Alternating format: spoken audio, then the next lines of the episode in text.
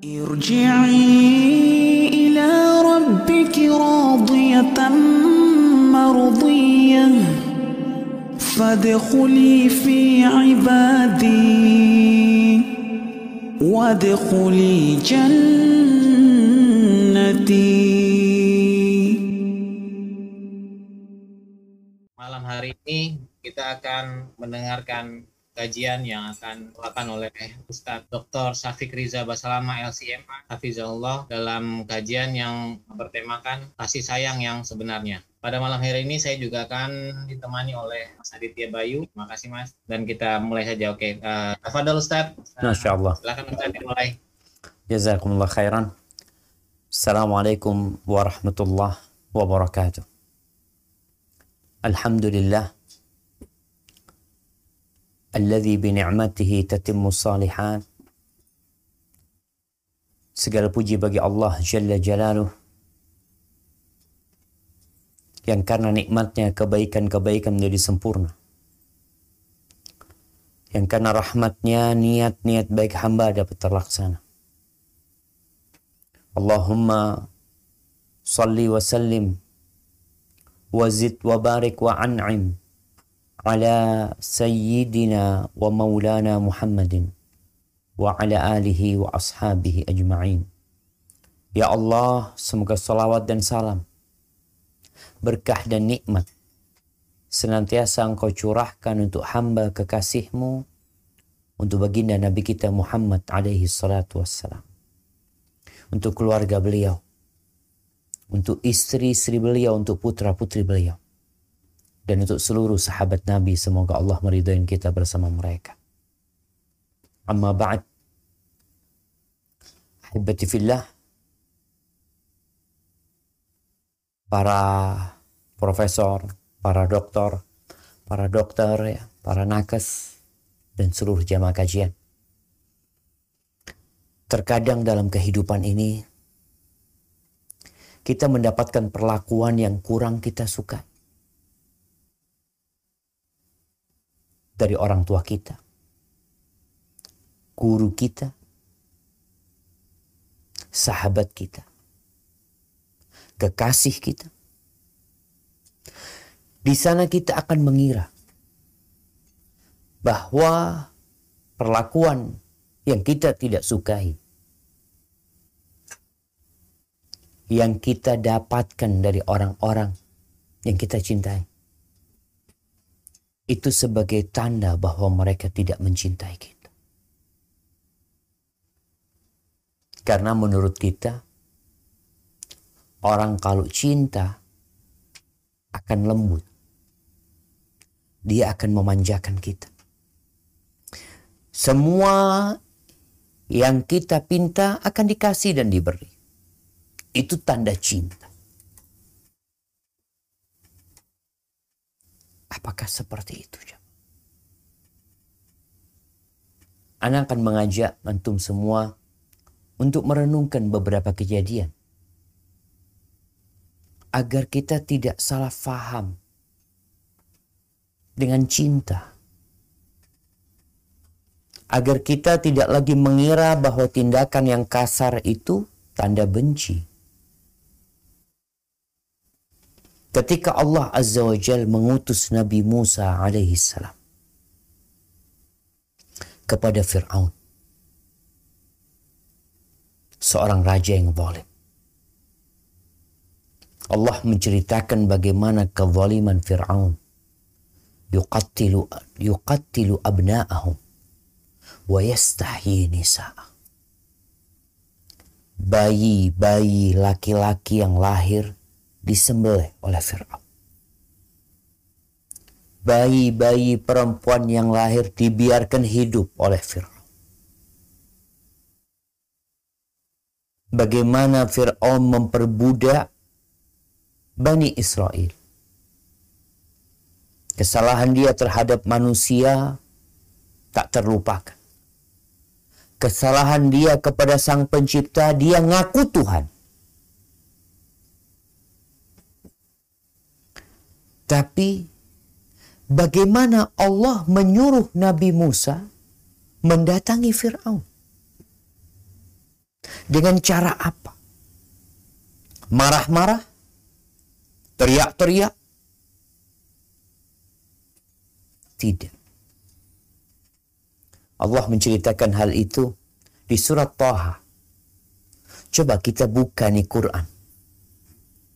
Yang Allah turunkan sebagai rahmat. Sebagai hidayah, petunjuk buat kita. Agar kita tidak salah langkah. Menentukan sikap dalam menghadapi segala masalah di kehidupan ini. Agar kita tidak berburuk sangka kepada Allah Azza wa Jalla agar kita selalu berada di atas rel yang sudah ditetapkan. Inna hadzal Qur'an yahdi lillati hiya. Kata Allah, sesungguhnya Al-Qur'an ini memberikan petunjuk kepada jalan yang paling lurus. Di surat Toha, silakan dibaca ayat 42 sampai 46. أعوذ بالله من الشيطان الرجيم اذهب أنت وأخوك بآياتي ولا تنيا في ذكري اذهبا إلى فرعون إنه طغى فقولا له قولا لينا عنه يتذكر أو يخشى قال ربنا إننا نخاف أن يفرط علينا أو أن يطغى قال لا تخافا إنني معكما أسمع وأرى yang artinya adalah Pergilah engkau beserta saudaramu dengan membawa tanda-tanda kekuasaanku dan janganlah kamu berdua lalai mengingatku Pergilah kamu berdua kepada Firaun karena dia benar-benar telah melampaui batas. Maka berbicaralah kamu berdua kepadanya dengan kata-kata yang lemah lembut, mudah-mudahan dia sadar atau takut. Keduanya berkata, "Ya Tuhan kami, sungguh kami khawatir dia akan segera menyiksa kami atau akan bertambah melampaui batas." Dia Allah berfirman, Janganlah kamu berdua khawatir. Sesungguhnya aku bersama kamu berdua. Aku mendengar dan melihat. Barakallahu fiikum. Ahibati fillah. Bagaimana Allah Azza wa Jal memerintahkan kepada Nabi Musa dan Harun untuk menjumpai Fir'aun. Dan Allah jelaskan Fir'aun itu telah melampaui batas. Udah keterlaluan. Terlalu.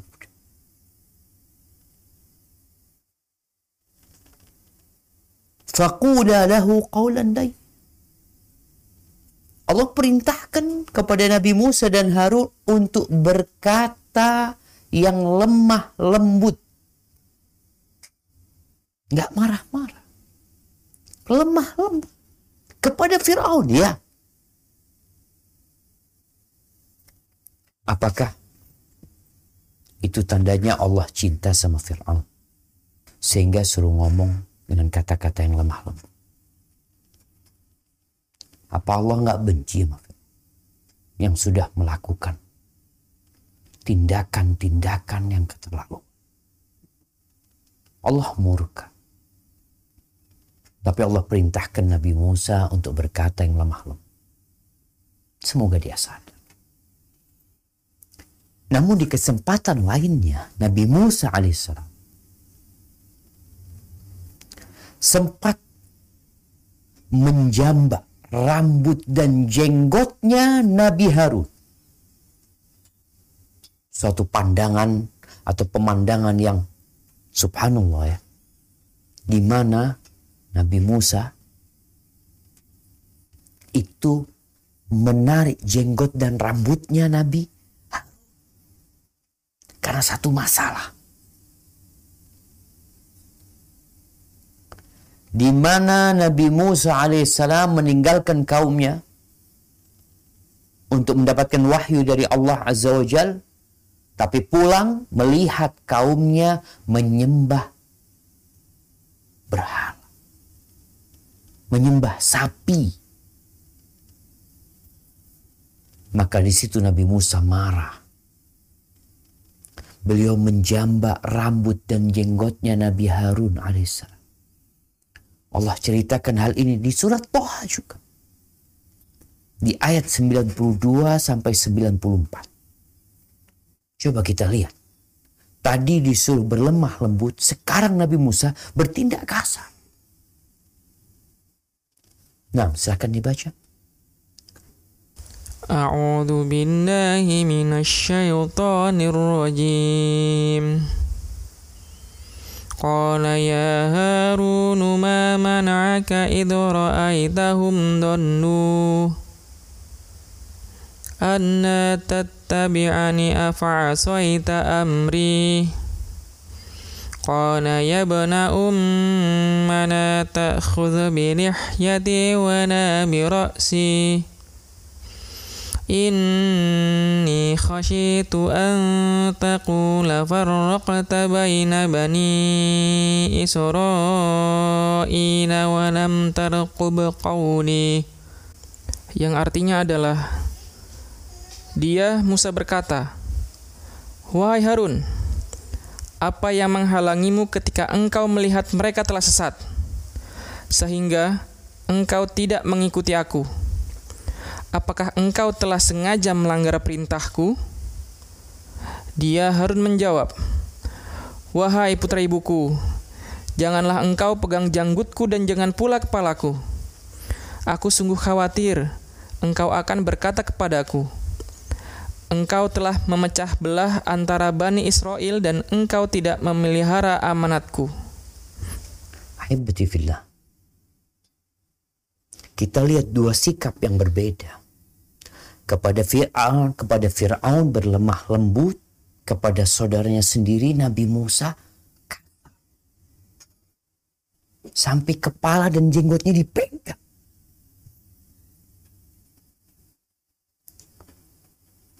Terus menurut kita apakah yang pertama kepada Fir'aun berlemah lembut itu tanda cinta kepada Fir'aun? dan berbuat kasar kepada saudara itu tanda benci. Sebaliknya. Pada tahun keempat Hijriah, terjadi peristiwa di kota Madinah. Peristiwa ini Allah abadikan di surat An-Nur ayat 11 dan selanjutnya.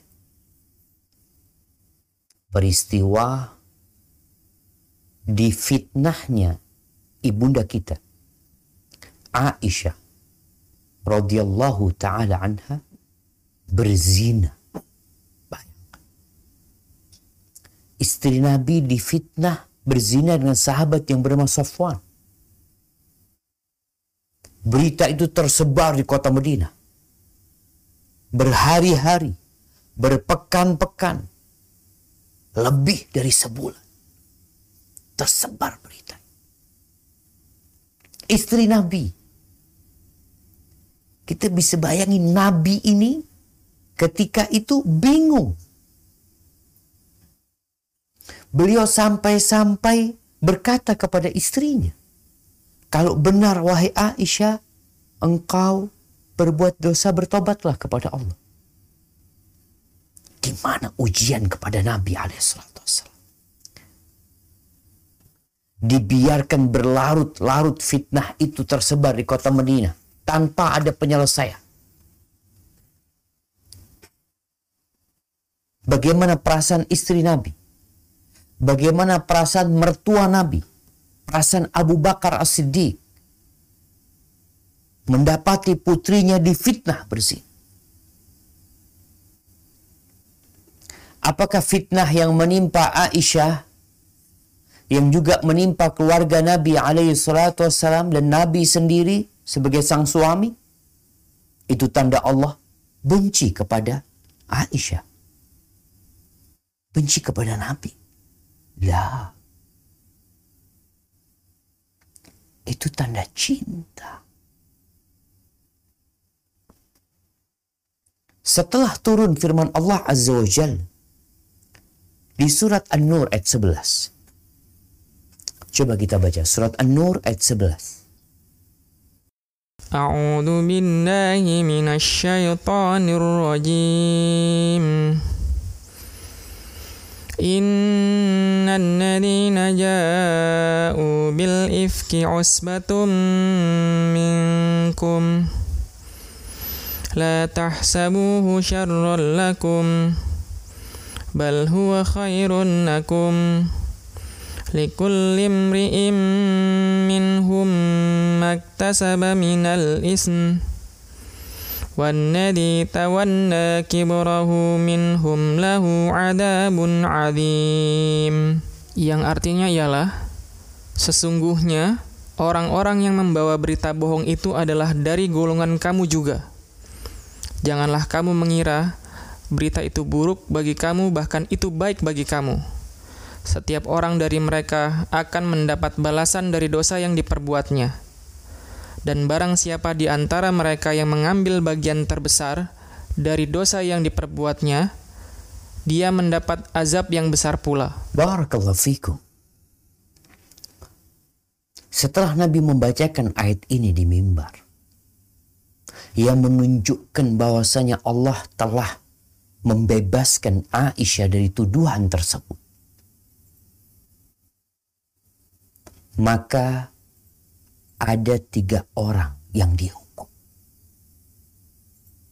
Yang ikut menyebarkan berita hoax. Perzinaan. Dipecut sebanyak 80 kali. Padahal tiga orang ini tiga sahabat-sahabat yang mulia. Di situ ada Hasan bin Thabit. Penyair Nabi alaihi salatu wassalam. Yang Nabi memuji Hasan bin Thabit. Bagaimana perannya Hasan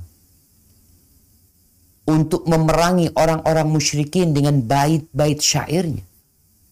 Bahkan Rasul Shallallahu Alaihi Wasallam pernah mengatakan, "Uhjuhum wa Jibril ma'am." Hasan serang mereka Hasan dengan lisanmu dan Jibril bersama. Dalam riwayat lain, Nabi SAW mengatakan, Inna ruhal kudus la yazalu yu'ayyiduka ma nafahta anillahi wa rasul. Sesungguhnya malaikat Jibril selalu mendukungmu selama engkau membela Allah dan Rasul. Tapi dia dipecut, dia hukum. 80 kali dipecut. Kemudian ada sahabat lainnya, Mistah. Dia orang muhajirin. Dipecut juga. Kemudian ada ipar Nabi alaihi salatu wassalam. Adiknya istrinya atau kakaknya istri Nabi. Saudarinya Zainab bintu Jahsh, Hamna bintu Jahsh Amna ini dulu istrinya Mus'ab bin Umar. Itu juga dipecut. 80 kali. Sedangkan dedengkot orang munafikin yang tadi di ayat 11 Allah katakan walladzi tawalla kibrahu dan yang paling punya peran besar dalam menyebarkan fitnah itu tidak dipecut. Tidak dihukum di dunia yang tiga orang sahabat-sahabat yang soleh yang sebenarnya, tapi mereka terjebak dalam dosa, mereka malah dihukum. Pentolan orang munafiki, Abdullah bin Ubay bin Salul, yang sering kali menyakiti Nabi alaihi salatu wasallam dengan ucapannya, dengan tindak tindakannya. Itu malah nggak dihukum, dibiarin. Terus menurut antum, siapa yang sebenarnya dicintai? Apakah dengan dibiarkannya Abdullah bin Ubay bin Salul itu tanda dia dicintai Allah padahal Allah mengatakan walladzi tawalla kibrahu orang yang paling besar berbuat dosa nih dalam menyebarkan fitnah ini lahu azabun azim bagi dia azab yang besar. Al-Qurtubi rahimahullahu taala dia menjelaskan itu Abdullah bin Ubay bin Salul tidak dihukum di dunia karena Allah sudah menetapkan bagi dia di akhirat azab yang sangat pedih. Kalau dia dihukum di dunia, berarti azab di akhiratnya akan dikurangi.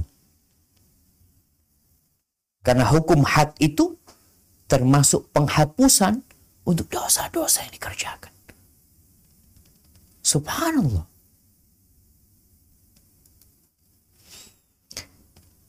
Maka jemaah, sebenarnya sahabat-sahabat yang dihukum tadi itu tanda cinta Allah kepada mereka.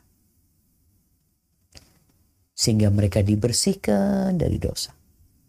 Maka Allah katakan la tasabuhu lakum. Jangan kalian mengira itu buruk buat kalian. Musibah yang menimpa itu, fitnah yang terjadi jangan dikira buruk buat Aisyah, buruk buat keluarga Nabi alaihissalam. Tidak. Allah membersihkan Aisyah dari dosa-dosa, mengangkat derajat. Ahibati fillah.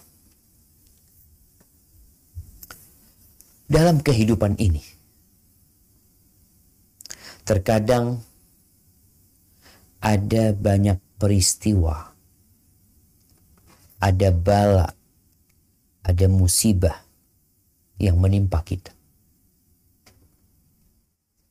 Ya, sebagian saudara kita mungkin sudah terpapar COVID-19.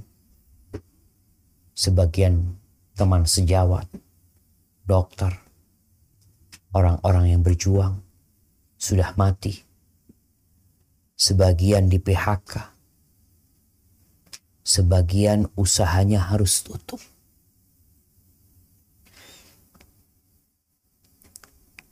Padahal kita merasa kita ini udah baik. Kita merasa orang soleh. Kita sudah bertakwa. Kita sudah sering istighfar. Kita banyak baca Al-Quranul Karim. Kenapa kok musibah itu datang menimpa kita? Sedangkan banyak orang yang hidupnya dalam kumbangan kemaksiatan dan dosa. Sholat tidak. Maksiat jalan terus. Namun balak musibah tidak menimpa dia.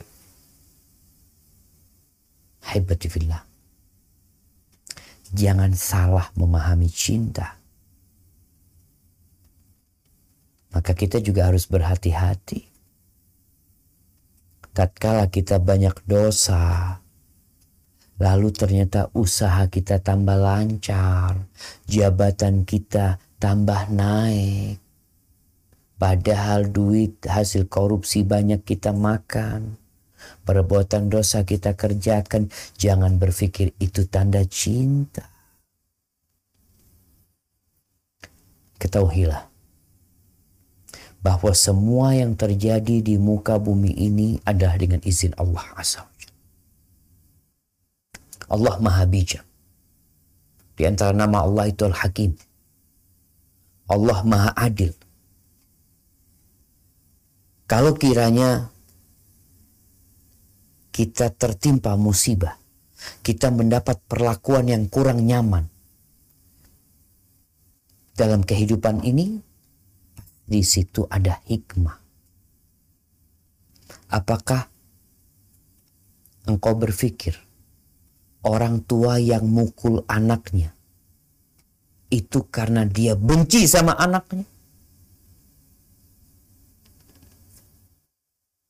Ketika anaknya subuh dibangunin gak mau bangun, disiram air sama orang tuanya, ditarik, itu tanda orang tua benci sama anaknya.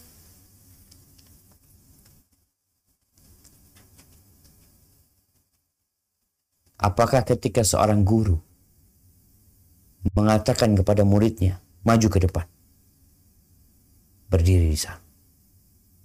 Itu tanda guru itu benci. Atau itu tanda cinta. Ahibati fillah. Musibah yang datang menimpa.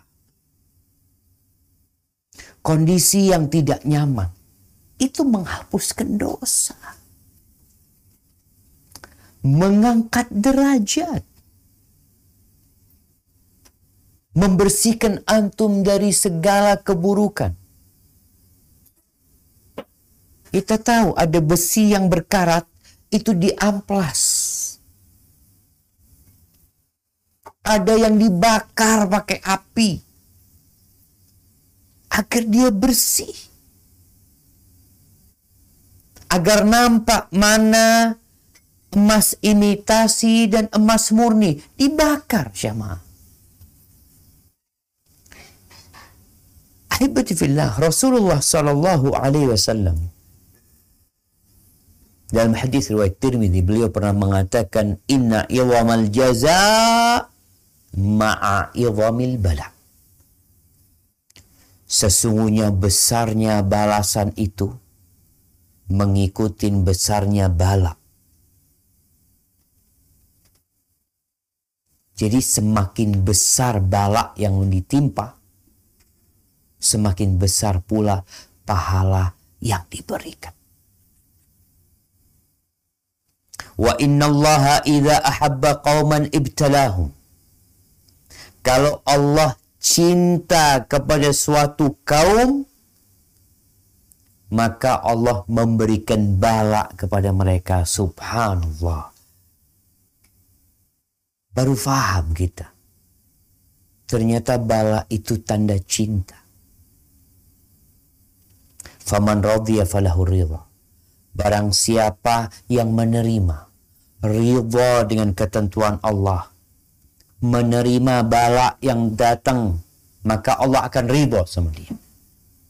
Dan Allah kalau ridho sama engkau, apa pun yang kau pinta akan dikasih. Waman sakhita falahu sakh. Tapi barang siapa yang marah, maka Allah marah sama. Tidak sedikit orang-orang yang dikasih balak dalam kehidupan ini, dia malah teriak-teriak, marah-marah, merasa tidak berhak mendapatkan musibah ini karena merasa sudah soleh, sudah banyak ketaatannya. Subhanallah. Fahami lagi arti cinta yang sebenarnya.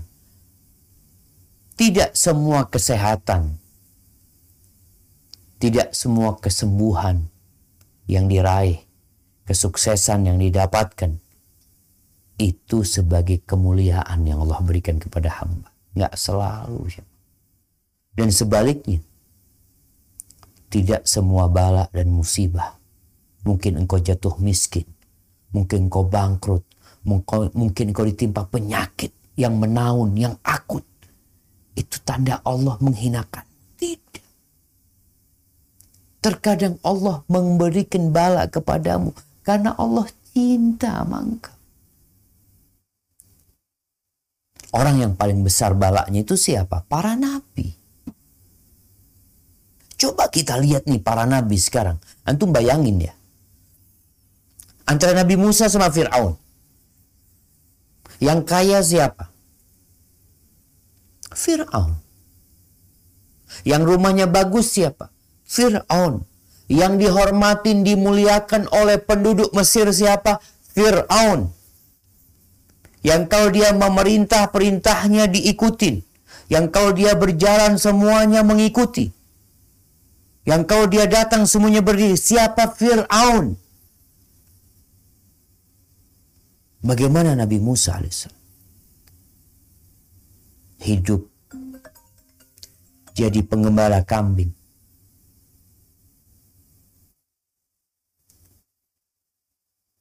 Pengembala kambing selama 10 tahun. Subhanallah.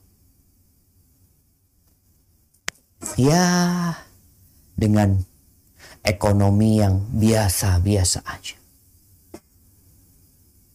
Apakah kemudian kita berpikir Fir'aun dicintai Allah, Nabi Musa dibenci sama Allah.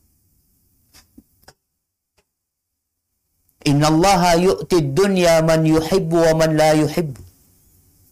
Sesungguhnya Allah berbagi dunia ini kepada orang yang Allah cintai dan kepada orang yang Allah benci. Semuanya Allah kasih. Dunia Allah bagikan kepada semua. Ada orang nggak pernah sholat sehat, nggak kena covid. Ini orang rajin sholat mati kena covid pakai ventilator Ustaz. Bertahan di rumah sakit satu bulan mati akhirnya tuh fulan yang ahli maksiat, yang kerjanya cuma olahraga, yang nggak pernah ibadah, sembuh dari COVID. Ingat, bukan tanda cinta dunia ini. Wala yu'til iman illa man yu'ib. Tapi Allah tidak berbagi keimanan kecuali kepada orang yang Allah cintai. Jadi tanda cinta itu ketika Allah memberikan iman kepada Nabi Yunus alaihissalam bagaimana dia berada di perutnya ikan? Berhari-hari sampai kurus kering di dalam perut ikan sedangkan umatnya yang tidak mau beriman pada waktu itu nggak dapat azab. Kok Nabi Yunus yang dilemparkan dari perahu yang dimakan oleh ikan paus? Apakah Allah nggak cinta sama Nabi Yunus? Cinta. Sehingga Nabi Yunus mengatakan, La ilaha illa anta Subhanaka inni kuntu minal Nabi Ibrahim alaihissalam diusir oleh orang tuanya, dibakar oleh kaumnya, digodain istrinya sama Namrud, puluhan tahun sampai umur 86 tahun kira-kira nggak punya anak Apakah itu tanda Allah nggak cinta sama Nabi Ibrahim? Subhanallah. Nabi Ibrahim itu Khalilur Rahman. Kekasihnya Allah Azza wa Jal. Di antara semua Nabi, yang paling dicintai Allah setelah Nabi Muhammad alaihissalam adalah Nabi Ibrahim alaihissalam. Tapi kok hidupnya seperti itu? Itulah jamaah. Nabi Zakaria bertahun-tahun nggak punya anak. Engkau yang punya anak, apa berpikir Allah cinta sama engkau? Nabi Zakaria, Nabi. Sampai rambutnya menyala dengan ubat. Punggungnya melemah dengan ketuaan tapi beliau terus berdoa meminta anak dikasih anak. Kira-kira umurnya 100 tahun. Dikasih anak yang ngasih nama Allah kepada anak yang ngasih nama anaknya Allah Azza wa Jal. Dikasih nama Yahya. Dan bagaimana Nabi Zakaria melihat anaknya disembelih, kepalanya dihadiahkan kepada pelacur dalam kondisi ayahnya hidup jamaah. Gimana nih? Nabi, Nabi Yahya itu nabi juga. Kok dibiarkan oleh Allah Azza wa Jal? Orang-orang penjahat-penjahat itu menyembelih seorang nabi dan akhirnya nanti bapaknya bagaimana perasaannya. Dan bapaknya pun digergaji oleh kaum. Nabi Zakaria. Apakah itu tanda Allah nggak cinta sama Nabi Zakaria? Cinta. Nabi kita Muhammad alaihi salatu wassalam. Bagaimana hidupnya beliau? Yatim sejak di perut ibunya. Dia tinggal mati oleh ibunya umur 6 tahun. Yatim piatu. Dirawat oleh kakeknya sampai umur 8 tahun. tinggal mati sama kakek. Dirawat sama pamannya. Miskin paman. Beliau harus bekerja sendiri membantu paman. Beliau mengembala kambing. Kemudian beliau ikut berdagang. Nggak punya modal sendiri, bawa dagangannya Khadijah. Menikah dengan Khadijah. Dengan umur yang berjarak yang berbeda 15 tahun. Ketika beliau menjadi nabi, Allahu Akbar. Bagaimana beliau dicaci maki, difitnah, dikatakan penyihir, dukun. Apakah itu tanda Allah nggak cinta sama Nabi Muhammad alaihissalam? Jangan salah memahami cinta. Pernah diboikot selama tiga tahun. Sampai susah untuk makan. Sebagian sahabat makan daun-daun konspirasi terjadi dari masyarakat Mekah. Beliau mau dibunuh. Akhirnya beliau meninggalkan kota Mekah, berangkat ke kota Madinah. Apakah di kota Madinah tinggal di rumah yang besar, di istana? Enggak. Numpang Nabi Muhammad SAW. Ketika beliau bikin rumah, rumah beliau hanya lima kali lima kira-kira. Apakah rumahnya penuh dengan perabotan? Semua yang dimakan ada. Sering puasa Nabi SAW karena nggak ada yang dimakan. Putrinya meninggal satu persatu dalam kondisi bapaknya masih hidup. Kecuali Fatimah. Anaknya beliau yang laki-laki meninggal pula. Sahabat-sahabat yang beliau cintai meninggal tewas pamannya Hamzah di perang Oh. Ketika beliau mau meninggal dunia, beliau sakit parah selama 10 hari. Sampai beliau pingsan-pingsan nggak bisa mau jadi imam. Pernah beliau pada waktu sakit beliau minta air. Kemudian beliau mandi. Ketika beliau merasa segar bangun beliau menjadi imam, pingsan lagi. Pingsan lagi. Akhirnya yang jadi imam adalah Abu Bakar Siddiq radhiyallahu anhu. Apakah itu tanda Allah tidak cinta dengan Nabi alaihi salatu wasallam? Ingat jangan salah faham. Allah kalau cinta kepada hambanya, Allah kasih bala jemaah. Hibbatifillah. Rasulullah sallallahu alaihi wasallam mengatakan, "Idza ra'aita Allah yu'til 'abda 'ala ma'asihi ma yuhib, fa'lam annahu istidra." Kalau engkau melihat Allah memberikan nikmat kepada seorang hamba cita-citanya tercapai.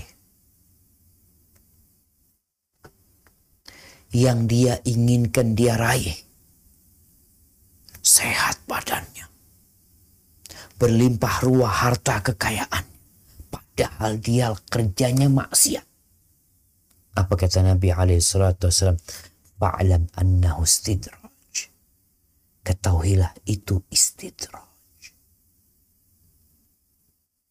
Dia diluluh, dibiarin. Makanya kadang kala kita ngelihat ada orang-orang yang melakukan kezaliman. Kok tetap aja dia hidup? Kenapa kok nggak disambar petir dia? Kok orang yang soleh mati duluan? Ingat, semua tindakan Allah itu pasti ada hikmah. Makanya Nabi SAW menjelaskan, engkau jangan terpesona, terpedaya, melihat orang-orang yang berbuat maksiat, Allah kasih kenikmatan sama dia. Dunia ini nggak ada artinya. Kemudian Nabi membaca firman Allah di surat Al-An'am ayat 44. Silakan dibaca di surat Al-An'am ayat 44. A'udzu billahi.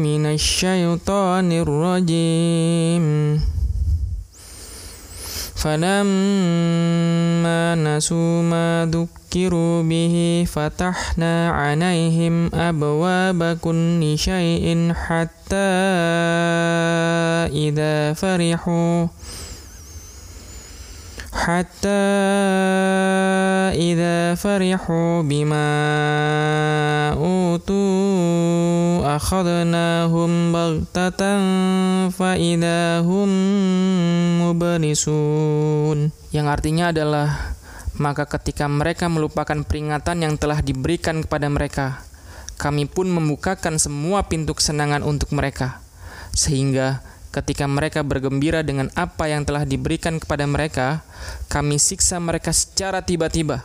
Maka ketika itu mereka terdiam putus asa. Nah, ketika orang-orang melupakan peringatan-peringatan yang Allah berikan, ayat-ayat Allah yang dibacakan tidak digubris, diabaikan.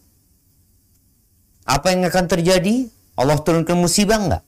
Prosesnya nggak Allah turunkan musibah langsung. Kata Allah, fatahna alaihim abwaba kulli syai. Kita bukakan bagi mereka segala pintu kenikmatan buat mereka. Sehingga tatkala mereka gembira dengan apa yang diberikan kepada mereka, kita siksa mereka secara tiba-tiba. Belum sempat tobat, mati. Maka teguran-teguran dari Allah yang kita rasakan. Kita harus berbaik sangka sama Allah dan berburuk sangka sama diri kita. Allah memberikan hal itu agar kita semakin baik. Masih ada kesempatan untuk kembali kepada Allah Azza wa Jangan lagi kita memikirkan harta itu ukuran cinta.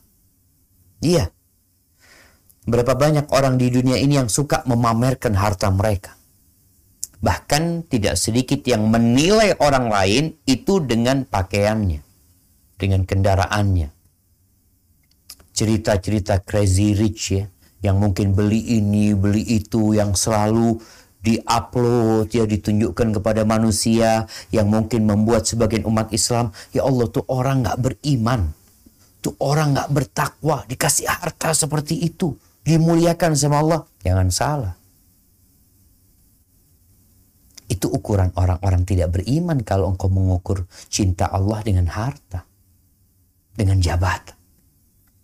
Di surat Al-Fajr ayat 15 sampai 17, Allah Azza wa Jalla mengatakan, "Fa ammal insanu إذا ما ابتلاه ربه فأكرمه ونعمه فيقول ربي أكرمن Adapun manusia apabila kami memberikan kepada mereka ujian berupa kemuliaan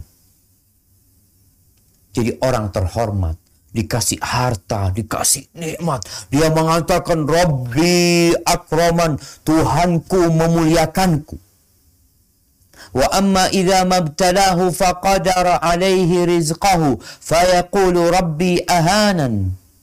Kalau disempitkan rizkinya, dia mengatakan Tuhanku menghinakan aku. Kalla بل لا تكرمون اليتيم ولا تحاضون على طعام المسكين وتأكلون التراث أكلا لما وتحبون المال حبا جما nggak kayak gitu ukuran cinta bukan kayak gitu dunia dan isinya itu di sisi Allah tidak lebih dari satu sayap nyamuk kok satu sayap nyamuk dijadikan tanda cinta Maka ketahuilah bahwa musibah-musibah yang menimpa kita, perkara-perkara yang tidak kita sukai, di PHK, ya mungkin tadi difitnah, ada orang yang hasut nggak suka sama kita, maka semoga itu semua tanda cinta. Allah agar kita kembali kepada Allah Subhanahu wa taala sebagaimana orang tua yang cinta sama anaknya, kadangkala anaknya itu nggak boleh keluar rumah. Bukan karena benci. Kadangkala ada rotan di rumah yang digunakan untuk memecut itu betis. Bukan karena benci, itu tanda cinta. Kadangkala ada anak kecil nangis-nangis minta permen nggak dikasih. Minta es krim nggak dikasih. Apakah itu tanda benci? Itu tanda cinta orang tua. Ada anak yang disuruh-suruh sama orang tuanya. Dia merasa orang tuanya nggak suka sama aku ya. Aku kok disuruh-suruh terus. Kayak pembantu aja. Subhanallah. Itu tanda cinta. Agar engkau menjadi sosok lelaki. Manusia yang bisa mandiri. Ahibati fillah saatnya kita mengkoreksi diri kita.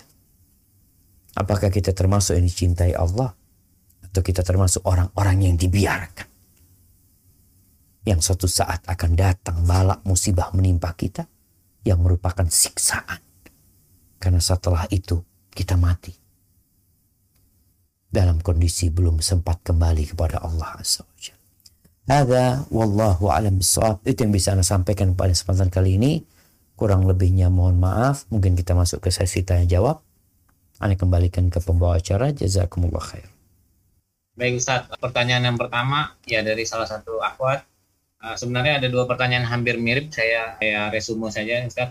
Saya sudah lama kagum dengan Ikhwan. Dia teman lama saya uh, hampir 10 tahun. Uh, saya pendam dan tidak ada yang tahu uh, saat ini uh, saya jatuh hati dengan kepribadiannya dan puncaknya tidak bisa memendamnya lagi. Ada keinginan untuk mengutarakannya. Bagaimana sikap yang harus saya lakukan? Apakah tetap diam atau mengutarakannya? Jika mengutarakannya, caranya seperti apa? Dan yang berkaitan juga, bagaimana cara agar seorang perempuan bisa mengikhlaskan orang yang disayangnya dan apa dan apa tandanya kalau kita sering memimpikan uh, laki-laki uh, tersebut uh, secara berturut-turut apakah itu tanda uh, apa namanya uh, apa apa tandanya kalau kita memimpikan orang yang kita sayang berturut-turut dan apakah wanita wajar untuk memperjuangkan seorang laki-laki barakallahu fikum Ustaz. Nah, tafadhol Ustaz. Wa fik wa barak. Masya Allah jemaah. Nah, hebat fillah mencintai itu tidak harus memiliki tidak semua yang kita cintai kita harus memiliki. Makanya ada orang-orang yang memendam rasa cinta. Kemudian yang dia cintai ternyata dimiliki oleh orang lain. Apa yang harus dia lakukan? Ya dia pindah hatinya ke yang lainnya juga.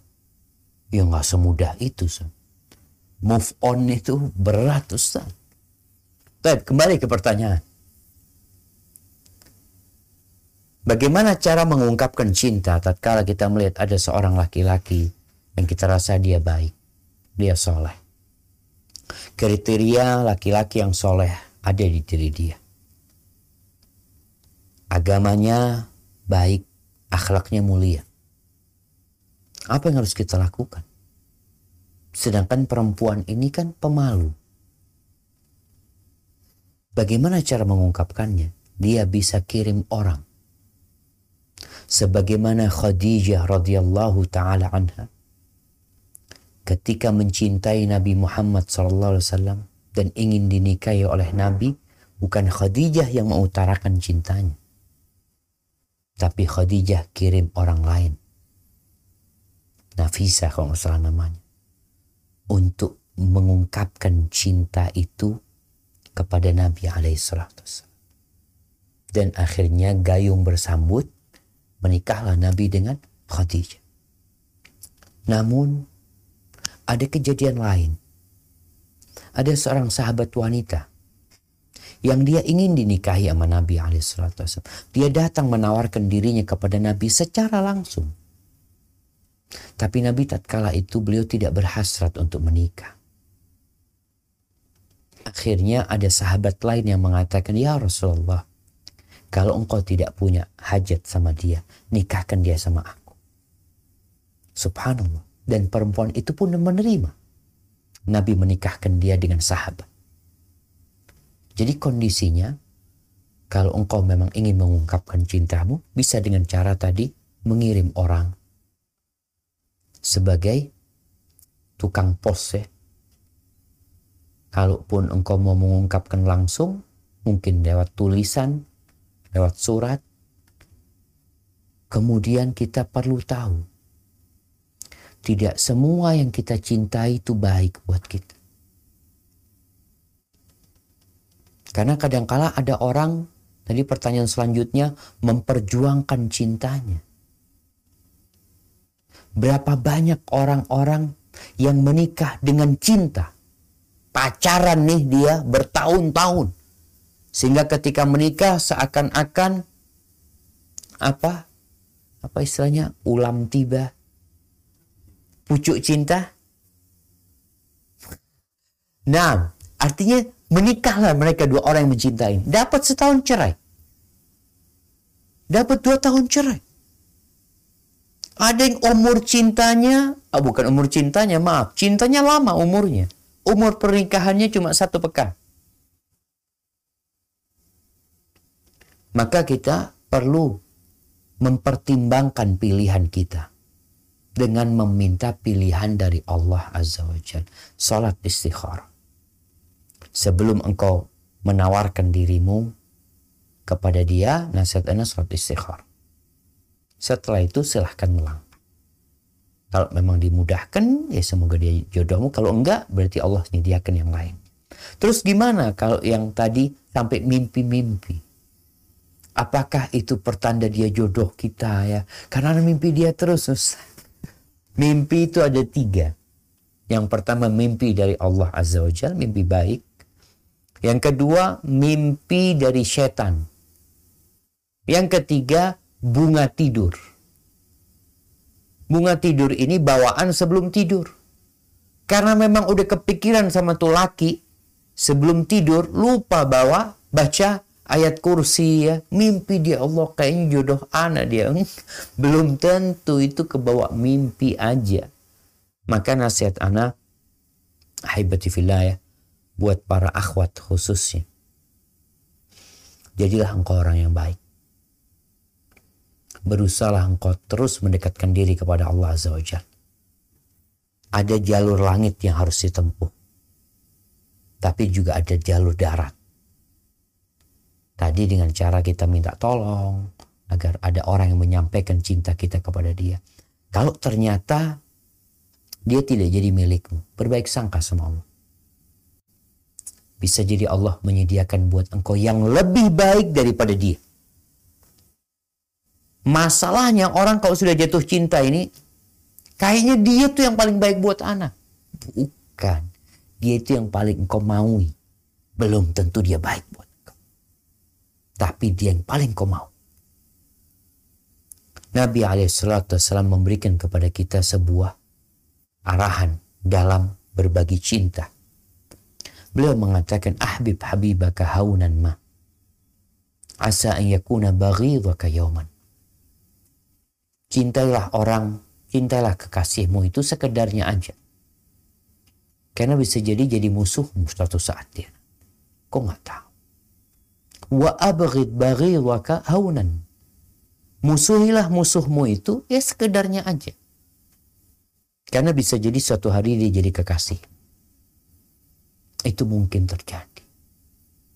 Soalnya kadangkala ketika kita mencintai kekasih kita berlebihan, Tahu-tahu dia menceraikan kita. Dia gugat cerai. Kalau itu seorang perempuan. Hidup ini kacau. Kadang -kadang. Sampai ada seorang laki-laki yang hancur hidupnya. Karena istrinya gugat cerai. Ya udah kalau dia nggak mau mau diapain gitu. Begitu pula seorang wanita ada seorang wanita yang dapat surat cerai dari istri dari suaminya malam lebaran. Anda masih ingat kejadian itu. Itu perempuan ngambil silet, dia potong urat mati. Karena dia, Anda nggak bisa hidup tanpa dia ya Allah. Mati satu tumbuh seribu. Cuma memang ada penyakit namanya Asia penyakit cinta yang udah buta. Sehingga kita melihat ada anak-anak yang sampai durhaka sama orang tua. Kawin lari. nggak pakai wali karena cinta buta tadi itu. Jangan sampai kita terjebak dalam dosa dalam kita mencintai. Dan sekali lagi, mencintai itu tidak harus memiliki. Hada wallahu alam bissawab. Barakallahu fiikum Ustaz. Baik Ustaz, pertanyaan berikutnya dari uh, Bapak Renaldi. Uh, Bismillah, bagaimana hakikatnya untuk mencintai sesuatu atau seseorang karena Allah Azza dan untuk meraih ridho Allah dan Rasulnya Shallallahu Alaihi Wasallam yang pada akhirnya puncaknya untuk meraih surga. Uh. Masya Allah. Nah, jemaah. Jadi kalau bicara cinta, ada cinta karena rupa. Ada cinta karena Allah Azza wa Jal. Cinta karena rupa ini ya ketika ya, wajar orang mencintai yang cantik-cantik, yang bagus-bagus. Tapi ada cinta karena Allah. Makanya Rasul SAW menyebutkan perempuan itu dinikahin karena empat hal. Karena kekayaannya, karena kecantikannya, karena nasabnya, karena agamanya. Fadfar bidatidin taribat yada. Kalau kau ingin selamat, carilah yang agamanya baik. Artinya itu yang membuatmu menikahin dia. Bukan hanya faktor wajah dan rupa. Kalau bicara cinta karena Allah Azza wa Jal, maka kecintaan yang dasarnya keridhaan Allah kepada orang itu. Orang itu taat beribadah. Orang itu rajin sholat malam. Orang itu berakhlak mulia. Maka kita cinta sama orang tersebut. Ini cinta karena Allah. Tapi cinta karena rupa, yang ketika banyak orang mencintai seorang wanita, padahal dia nggak sholat. Sholatnya bolong-bolong. Ibadah, aduh sudahlah jangan ditanya. Tapi insya Allah bisa diperbaiki nantinya. Dia berpikir insya Allah tuh orang bisa diperbaiki. Artinya ada tujuan dia memperbaiki orang tersebut. Tapi sebenarnya dasar utamanya bukan karena Allah. Tapi karena rupa. Dia mencintai dia. Karena udah jatuh cinta sama tuh perempuan. Sekali lagi bukan karena ketaatan kepada Allah Azza wa Jadi cinta karena Allah, maka cinta karena Allah ini tidak harus dengan lawan jenis. Nggak harus sama istri. Cinta sama sahabat. Kita punya kawan Masya Allah. Cinta sama guru. Cinta sama murid yang taat sama Allah SWT. Bukan untuk memiliki sekali lagi tadi. Bukan, ini cinta karena Allah. Dan cinta karena Allah ini bisa berubah jadi benci karena Allah juga. Dulu yang kita cintai ternyata berbuat maksiat. Selamat tinggal. Cintaku berubah jadi kebencian. Rasulullah SAW menjelaskan. Thalathun man kunna fihi wajada halawatal iman. Ada tiga perkara Barang siapa yang meraih tiga perkara ini, dia akan merasakan manisnya beriman. Jadi banyak orang Islam ini bertahun-tahun Islam, tapi dia masih merasa apa Islam ini sih berat Islam itu. Banyak aturan, ini haram, itu nggak boleh. Mungkin kau belum punya tiga hal ini. Kalau kau punya tiga hal ini manis semuanya. Yang pertama, ayakun Allah wa rasuluhu ahabba ilaihi mimma siwahu. Dia harus menjadikan Allah dan Rasulnya lebih dia cintai dari segala-galanya. Pokoknya buat dia yang pertama Allah, yang kedua Rasul. Udah. Orang tua nomor sekian. Istri nomor sekian. Di sini ketika orang mencintai karena Allah, ketika istrinya tidak taat, dia benci sama istri. Seorang suami yang memerintahkan kepada istrinya untuk membuka jilbabnya. Gimana istri? Kata istrinya, aku lebih cinta kepada Allah daripada kepada dirimu. maka dia tidak akan tanggalkan hijab. Ini cinta kepada Allah dan Rasul. Yang kedua, ayyuhibbal mar'a la yuhibbuhu illa. Dia mencintai orang lain karena Allah. Karena ketaatannya kepada Allah. Bukan karena kepentingan. Kebanyakan kita, hubungan kita sama sahabat kita, sama kawan-kawan itu karena kepentingan. Bukan karena Allah. Berapa banyak kelompok-kelompok di masyarakat ini. Kelompok motor, kelompok mobil, kelompok olahraga. Apa sih yang mengumpulkan mereka dalam kelompok tersebut? Kepentingan. Atau kesenangan sama-sama hobinya moge, bikin kelompok. Sama-sama hobinya mendaki gunung, bikin kelompok. Apakah karena Allah? Ya lihat. Kalau karena Allah engkau akan lihat ketika kawan-kawanmu di sana tidak taat sama Allah, engkau akan memerintahkan kepada mereka kepada kebaikan dan mencegah mereka dari kemungkaran. Itu yang kedua, mencintai orang lain karena Allah. Yang ketiga, ayyakraha ayyauda ilal kufur. Dia harus benci kepada kekufuran. Benci. Sebagaimana kebencian dia dimasukkan ke dalam. Maka kalau bicara cinta karena Allah itu, yang cinta yang landasannya karena ketaatan orang itu kepada Allah Dan yang punya tiga hal ini, insya Allah hidupnya akan penuh dengan cinta dan keriduan dari Allah Jalla. Hada wallahu alam. Assalamualaikum Ustaz Afwan izin bertanya. Saya jarang berkunjung ke rumah orang tua. Suami saya mengizinkan tetapi selalu meminta sudah di rumah saat sebelum suami pulang kerja. Ketika saya meminta izin pulang ke rumah terlambat karena mesti membantu orang tua saya, mama saya, tetapi suami menjawab dengan mengirimkan hadis uh, kalau sekiranya aku diizinkan Allah memerintahkan seseorang agar sujud kepada orang lain, niscaya aku akan perintahkan seorang istri agar sujud kepada suaminya. Bagaimana seharusnya sikap saya Ustadz? Saya sedang ber, sedang saya berpikir orang tua saya juga, orang tua kami saya, saya hanya meminta pengertian kepada suami. Apakah saya berdosa Ustadz jika suami mengizinkan tetapi seperti tidak ridho? Barakallahu fikum. Wa wa barak. Naam jamaah, subhanallah ya. Ketika seorang wanita menikah, makanya nggak boleh dia nikah tanpa wali. Dia harus pakai wali. Walinya ini yang kemudian mengatakan kepada suami, kepada calon suami, Ya fulan bin fulan, zawajtuka wa angkahtuka binti.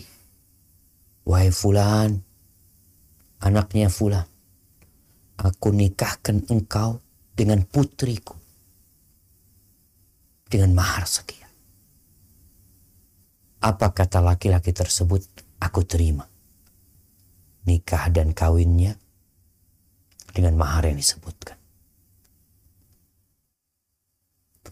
Ini proses jamaah Allah menyebutnya mithaqan ghalidh. Sebuah perjanjian yang berat yang diambil oleh seorang laki-laki. Dia bertanggung jawab nanti di hadapan Allah pada hari kiamat. Dia akan ditanya, suaminya akan ditanya, apakah engkau sudah mengajarkan kepada istrimu yang seharusnya diketahui oleh seorang muslimah? Apakah engkau sudah mengajarkan kepada dia untuk taat dan patuh kepada Allah? Maka seorang suami memiliki tanggung jawab yang besar di hadapan Allah. Bukan sekedar bersenang-senang. Semakin tinggi jabatan suami, semakin besar tanggung jawabnya. Makanya kalau tadi suami mengirimkan hadis tersebut, maka engkau tahu wajib taat sama koman menu sekarang seorang suami. Maka Alhamdulillah. Terima apa yang diberikan suami. Suami memberikan izin dengan catatan sebelum aku pulang sudah ada di rumah. Jangan maksa. Ayolah bang. Kadangkala ada istri-istri yang minta izin tapi maksa. Sang suami mengatakan tidak. Ketika suami mengatakan tidak, istri menganggap suami nggak cinta. Ini ke tema kita hari ini. Karena tanda cinta itu semua yang dikasih diberikan. Tidak. Bisa jadi ketika engkau dibiarkan sama suami, itu suami udah mulai bosan sama engkau. Nanti suatu saat, ada istri yang suka maksa, lalu suami mengatakan, udah san, gak apa-apa sudah, berangkat. Fadol. Kira-kira suami ketika mengatakan itu, dia cinta apalagi benci engkau. Benci. Maka sebenarnya tatkala suami mengatakan tidak, itu cinta. Maka jangan rusak cinta suami. Nggak perlu tuh suami ngirim itu hadis. Kalau engkau menghargai cinta suami. Engkau perlu tanya, bang, aku boleh telat bang. Suami mengatakan, jangan dek. Iya bang, siap bang. Kalau itu bang, makasih banyak. Selesai biarkan benih-benih cinta itu tumbuh. Dengan engkau semakin taat kepada suami. Semakin menghargai suami. Menjadikan dia yang pertama dalam kehidupan ini. Suatu saat, kalau engkau sudah memberikan pelayanan maksimal, mungkin suami nanti nggak perlu engkau minta. Mungkin suami akan ngomong kepadamu, engkau kalau mau sampai malam nggak apa-apa lah bisa. Jadi berikan hak suami. Laksanakan kewajiban. Sirami benih-benih cinta di rumah tangga. Walhamdulillah suami tidak melarang. Nggak melarang kau ke rumah ibu. Tapi dia cuma minta kepadamu untuk datang sebelum engkau kerja. Terus gimana Ustaz? Anda ingin bantu orang tua? Maksimalkan. Dengan cara minta tolong sama Allah Azza kita ini kadang-kala di waktu yang banyak yang diberikan, kita nggak produktif. Tapi ada orang yang waktunya sebentar tapi dia produktif. Minta bantuan Allah agar waktu berkah tatkala engkau berada di rumah orang tua. Sekali lagi, jangan sampai wanita itu membuat suaminya kirim hadis tersebut. Nggak perlu. Karena kau sudah tahu kewajiban. Jadi kalau suami mengatakan tidak, ketahuilah itu tanda cinta. Tapi kalau suami sudah membiarkanmu, Engkau setiap izin keluar rumah fadol, mau ke mana? Mungkin dia sedang berpikir mau cari ganti yang lebih baik dari diri. Hada wallahu alam Masya Allah. Uh, baik Ustadz, uh, pertanyaan berikutnya. Assalamualaikum Ustadz, bagaimana caranya mengikhlaskan pergian bayi saya tiga bulan yang lalu? Syukron kepada Ustadz. Masya Allah, barakallahu fikum. Haibati fillah. Nabi kita Muhammad alaihissalam. Beliau bagaimana menggendong putranya Ibrahim yang dalam susuan. Anak laki-laki yang beliau tunggu-tunggu. Akhirnya dia meninggal dunia. Itu tanda cinta Allah kepada Nabi alaihissalam bagaimana Nabi Alaihissalam dapat pahala semua macam musibah. Seakan-akan beliau sudah ditimpa dengan segala macam musibah yang ada. Ketika bicara bagaimana bisa mengikhlaskan, pertama engkau harus berbaik sangka sama Allah Subhanahu wa taala. Bahwasanya Allah mengambil itu bayi karena Allah cinta. Yang kedua, ingat dengan fadilah yang Allah berikan kepada orang yang sabar. Bahkan dia memuji Allah. Rasulullah SAW menceritakan tentang komunikasi Allah sama malaikat-malaikat pencabut nyawa. Allah bertanya kepada mereka, Qabattum walada abdi, kalian telah mencabut nyawa anak hambaku? Kata malaikat, na'am. Qabattum samrata fuadi yang kalian cabut itu nyawa buah hatinya. Qalu na'am. Lalu Allah bertanya, "Mada qala 'abdi?" Ketika kalian cabut nyawa anaknya itu, apa yang dikatakan oleh hambaku? Kata para malaikat, Hamidaka wastarja. Dia masih memujimu ya Allah. dia masih memujimu. Dan dia mengatakan inna lillah wa inna ilaihi raji'un. Apa kata Allah? Ubnu li abdi baitan fil jannah. Bangunkan buat hambaku ini di surga sebuah rumah. Kasih tulisan rumah itu. Kasih nama rumah itu. Baitul Hamdi. Rumah pujian. Subhanallah. Ada rumah pujian yang menunggu dan tuh anak nunggu ibunya di sana. Nunggu bapaknya di sana. Bagaimana cerita anak-anak yang meninggal dunia sebelum balik? Ketika terjadi kiamat, ketika orang-orang menyeberangi sirat yang berada di atas neraka jahanam, tatkala Nabi kita Muhammad alaihi salatu minta pintu surga dibukakan dan orang-orang berebut masuk surga, ada anak-anak yang nggak mau masuk surga di pintu surga. Dikatakan kepada mereka, malahumun habitun. Kenapa kata waktu orang-orang anak-anak nggak mau masuk surga? Kenapa mereka tertahan di sana? Kata mereka, hatta ya'tiya ahbauna. Ya Allah, kami nunggu di sini sampai orang tua kami datang. Ya Kami nunggu di sini. Apa kata Allah? Masuklah kalian bersama orang tua kalian. Subhanallah. Apakah ini bukan kabar gembira? Apakah ini bukan cinta Allah kepadamu? ketika Allah membuat anakmu tidak merasakan pahitnya kehidupan dunia ini. Ketika Allah mengeluarkan anakmu dari penjara dunia ini untuk menantimu di pintu surga. Maka sepantasnya orang itu memuji Allah. Karena Allah baik sama dia. Dan katakan kita milik Allah. Dan kepada Allah kita akan kembali. Hadha wallahu alam. Amin. Mohon nasihatnya apa yang harus saya lakukan sebagai anak yang selalu didebat oleh orang tua mengenai ketaatan kepada pemimpin sekarang. Orang tua bersikeras tidak mau taat selama pemimpinnya tidak taat kepada Allah dan orang tua merasa pemimpin yang sekarang tidak layak taati. Mohon nasihat dan doa Ustaz.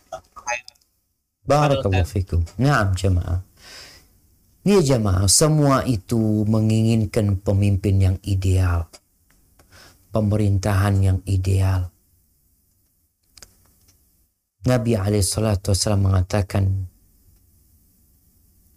Khairu a'immatikum. Sebaik-baiknya pemimpin kalian adalah yang mereka mendoakan kalian dan kalian mendoakan mereka. Mereka menyayangi kalian dan kalian menyayangi mereka. Dan seburuk-buruknya memimpin kalian adalah yang mereka melaknat kalian. Mereka nggak suka sama rakyatnya. Dan rakyat juga nggak suka sama pemimpin. Saling mengutuk. Itu pemimpin yang buruk. Tapi apa tugas kita? Rasulullah Shallallahu Alaihi Wasallam telah memberikan arahan kepada kita akan datang tuh pemimpin-pemimpin yang minta hak mereka dan mereka tidak memberikan hak rakyatnya. Apa kata para sahabat? Terus Rasulullah, apakah kita tidak angkat pedang kita? Kita berontak sama mereka? Tidak. Terus, atuhum hak. Berikan hak mereka. Apa hak mereka? Dengarkan dan taati perintahnya selama tidak bertentangan dengan perintah Allah. Ingat, pemimpin yang dolim pun kita wajib taat dan patuh selama perintahnya tidak bertentangan dengan perintah Allah. Ingat juga nih, seorang istri wajib taat sama suaminya. Walaupun suami suami anak ini nggak soleh, Ustaz, wajib taat selama perintah suami tidak bertentangan dengan perintah Allah dan Rasul. Terus gimana kita? Kita tidak diberikan oleh pemimpin. Apa kata Nabi sallallahu alaihi wasallam?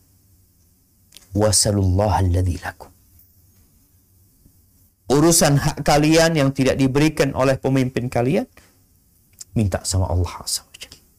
Subhanallah. Udah dikasih solusi sama Nabi SAW. Jadi seorang rakyat itu wajib taat kepada pemimpinnya walaupun pemimpinnya boleh. Isma wa atik kata Nabi SAW. Dengarkan dan taati. Artinya dengarkan dan taati dalam kebaikan ya.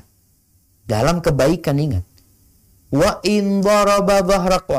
Walaupun pemimpinmu zalim, memukul, mengambil harta. Terus tugas kita tetap dengarkan dan taati. Sampai kapan? Kata Nabi SAW, isbiru. Kalian sabar hatta talqauni alal haud. Sampai kalian menjumpai aku di telaga. Ada perjumpaan kita sama Nabi alaihissalatu Ada tempat perjumpaan yang sudah ditetapkan. Syaratnya sabar.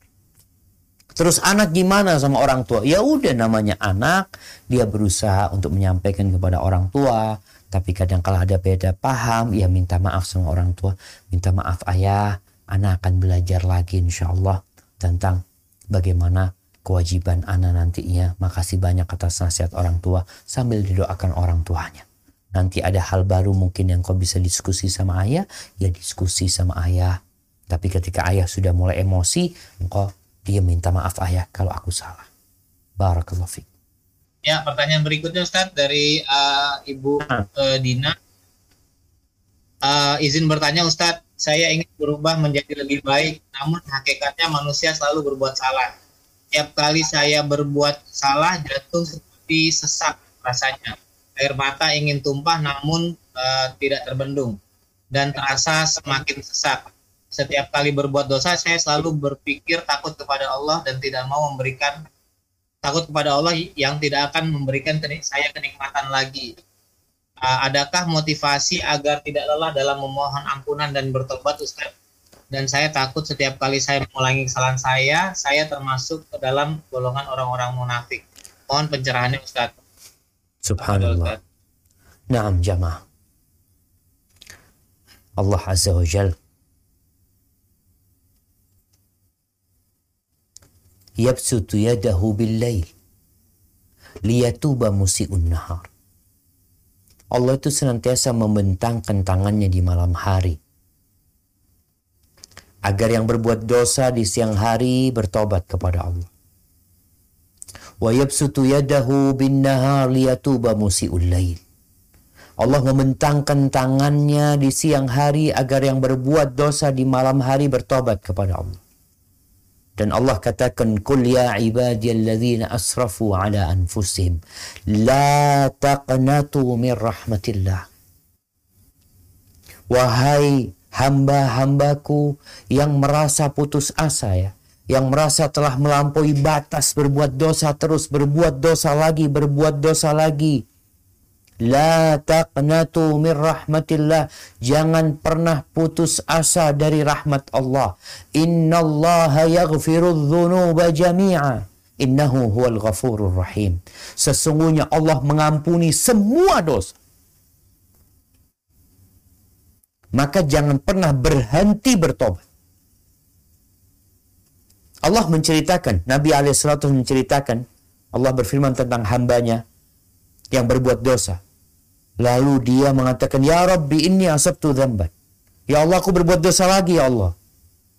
Kata Allah, hambaku berbuat dosa. Dan dia tahu dia punya Tuhan yang menghukum perbuat dosa dan memaafkan. Lalu dia berbuat dosa lagi. Dia mengatakan, Ya Rabbi asabtu dhamban. Ya Allah aku berbuat dosa lagi ya Allah. Kata Allah, hambaku berbuat dosa lagi dan dia tahu dia punya Tuhan yang mengampuni dosa dan memberikan hukuman atas dosa. Lalu dia berbuat dosa lagi. Lalu Allah mengatakan, orang ini mengatakan ketika berbuat dosa, Ya Rabbi, ighfirli, aku berbuat dosa lagi ya Allah. Kata Allah, hambaku berbuat dosa. Dan dia tahu dia punya Tuhan yang memberikan hukuman kepada dosa dan mengampuni dosa. Kata Allah, silahkan hambaku berbuat semau dia. Yang penting dia bertobat kepada Allah. Jadi jangan sampai kita dibodoh-bodohin sama setan. Ada bisikan setan kepada hamba supaya putus asa atau menganggap engkau ini engkau ini gimana sih? Berbuat dosa lagi, berbuat dosa lagi, jangan-jangan kau pura-pura tobatnya. Udahlah nggak usah tobat. Allah nggak ampuni dosa. Subhanallah. Ini bisikan iblis yang berbahaya. Yang membuat kita berhenti bertobat dan terus berbuat dosa. Bisikan yang benar berhenti berbuat dosa. Tapi iblis mengatakan berhenti bertobat dan terus berbuat dosa. Maka jangan sampai kita kalah. Selama hayat masih dikandung badan. Selama nyawa kita belum sampai ke tenggorokan, Allah masih menerima tobat kita. Maka buat yang bertanya, setiap engkau selesai berbuat dosa, terus bertobat. Perbanyak amal kebajikan. Syarat tobat penuhin menyesali, meninggalkan dan bertekad untuk tidak mengulangi. Berusaha untuk meninggalkan tempat-tempat yang kita di sana mengulangi berbuat dosa. Nabi alaihissalam sekali duduk beliau beristighfar seratus kali. Maka berbanyak istighfar kepada Allah. Hada wallahu alam Assalamualaikum. Waalaikumsalam Bagaimana kiat agar bisa istiqomah di atas manhaj yang lurus, manhaj alusunnah wal jamaah eh, dengan pemahaman salafus soleh. Sementara saya terkadang dicela oleh orang lain. Eh, karena kadarullah saya sa- saat ini juga selaku pengurus musola jazakallah khairan dan mohon doanya juga Ustadz buat eh, ada beberapa peserta kajian yang keluarganya, anaknya, cucunya, saudaranya terkena eh, dampak COVID ini dan terinfeksi COVID. Apa Ustaz? Subhanallah. Barakallahu fikum. Ahibati fillah. Kalau antum dicela, antum harus ingat yang lebih baik dari antum juga dicela. Adakah manusia yang lebih baik dari Nabi kita Muhammad alaihi salatu wassalam? Nggak ada. Adakah yang akhlaknya lebih mulia dari beliau? Nggak ada. Dan ternyata beliau dicela dengan celaan yang lebih buruk daripada yang dicelakan kepada. Apakah engkau pernah dicela sebagai orang gila? Penyihir. Dukun. Paranormal. Pembohong, pendusta. Alaihi salatu wassalam. Sedangkan Allah mengatakan tentang beliau wa innaka la'ala khuluqin azim. Engkau benar-benar berada di atas akhlak. Maka tugas antum sabar. Nabi nggak pernah balik mencela mereka, enggak. Didiamkan. Maka Allah sebutkan orang-orang soleh itu wa idza khatabahumul jahiluna qalu salama. Kalau mereka dicela, diajak ngomong sama orang-orang yang bodoh, mereka mengatakan salama, ucapan yang selamat. Selamatkan diri mereka dan diri orang-orang tersebut. Jadi ketika engkau dicela, ucapkan jazakallah khair. Makasih banyak anak akan introspeksi diri. Anak akan belajar lagi. Jazakumullah khair. Jadi orang kalau mau istiqomah itu memang harus jalan lurus. Jangan gara-gara jalannya panjang untuk berhenti. Nabi telah menjelaskan alaihi salatu wassalam akan datang satu masa Innim inna min waraikum ayyamas sabar. Di balik kalian ada hari-hari yang penuh kesabaran. Orang yang berpegang teguh dengan agamanya seperti memegang bara api. Sakit jemaah. Sakit terluka. Tapi harus dilakukan. Pahalanya berlipat-lipat ganda. Maka dengan melihat hal itu, semoga engkau bisa menahan diri dan terus belajar. Kadangkala kita dicela itu karena akhlak kita yang buruk. Memang kita secara keyakinan benar, secara ajaran lurus, tapi secara etika dan akhlak kadangkala buruk. Ngomongnya kasar. Nabi Musa alaihi salam disuruh ngomong sama Fir'aun dengan lemah lembut. Antum ngomongnya kasar. Nabi kita Muhammad alaihi salatu wasallam Allah katakan walau kunta faddan ghalidhal qalbi lan faddu min hawli. Kalau engkau kasar, keras hatinya orang-orang kabur dari engkau. Gimana dengan kita? Perbaiki diri kita. Akhlak kita, hormatin yang tua, sayang yang muda, banyak bakti sosial kepada masyarakat, tunjukkan akhlak seorang yang mengikuti sunnah Nabi SAW, berbuat baik kepada tetangga-tetangga. Insya Allah dengan cara seperti itu, dan selalu berdoa, Ya muqallibal qulub, thabbit qalbi ala dini. minta husnul khatimah. Karena yang menjadi tolak ukur atau tolak ukur kita itu baik atau tidak ketika ajal menyebut kita. Dan ahibati di akhir kajian ini, jangan lupa kita untuk sering-sering mendoakan saudara kita. Kondisi pandemi ini belum berakhir. Saudara-saudara kita, kerabat-kerabat kita, orang-orang kita cintai satu persatu. Ada yang berangkat dan pergi. Dampak dari COVID ini bukan hanya dalam urusan kesehatan, ekonomi, ya, sosial dan lain sebagainya, maka kita memohon kepada Allah Azza wa Jal dengan nama-namanya yang indah, dengan sifat-sifat yang mulia, agar Allah menyembuhkan yang sakit di antara kita. Allahumma shfi mardana wa mardal muslimin. Allahumma shfi mardana wa mardal muslimin. Allahumma rfa'anna al-bala wal waba. Allahumma innaka amartana bid-du'a wa 'adtana bil ijabah. اللهم هذا الدعاء ومنك الإجابة وهذا الجهد وعليك التكلان ربنا آتنا في الدنيا حسنة وفي الآخرة حسنة وقنا عذاب النار وسبحان ربك رب العزة عما يصفون وسلام على المرسلين والحمد لله رب العالمين itu yang bisa Anda sampaikan kurang lebihnya mohon maaf Anda kembalikan ke Dr. Berial jazakumullah khair ارجعي إلى ربك راضية مرضية فادخلي في عبادي. وادخلي جنتي.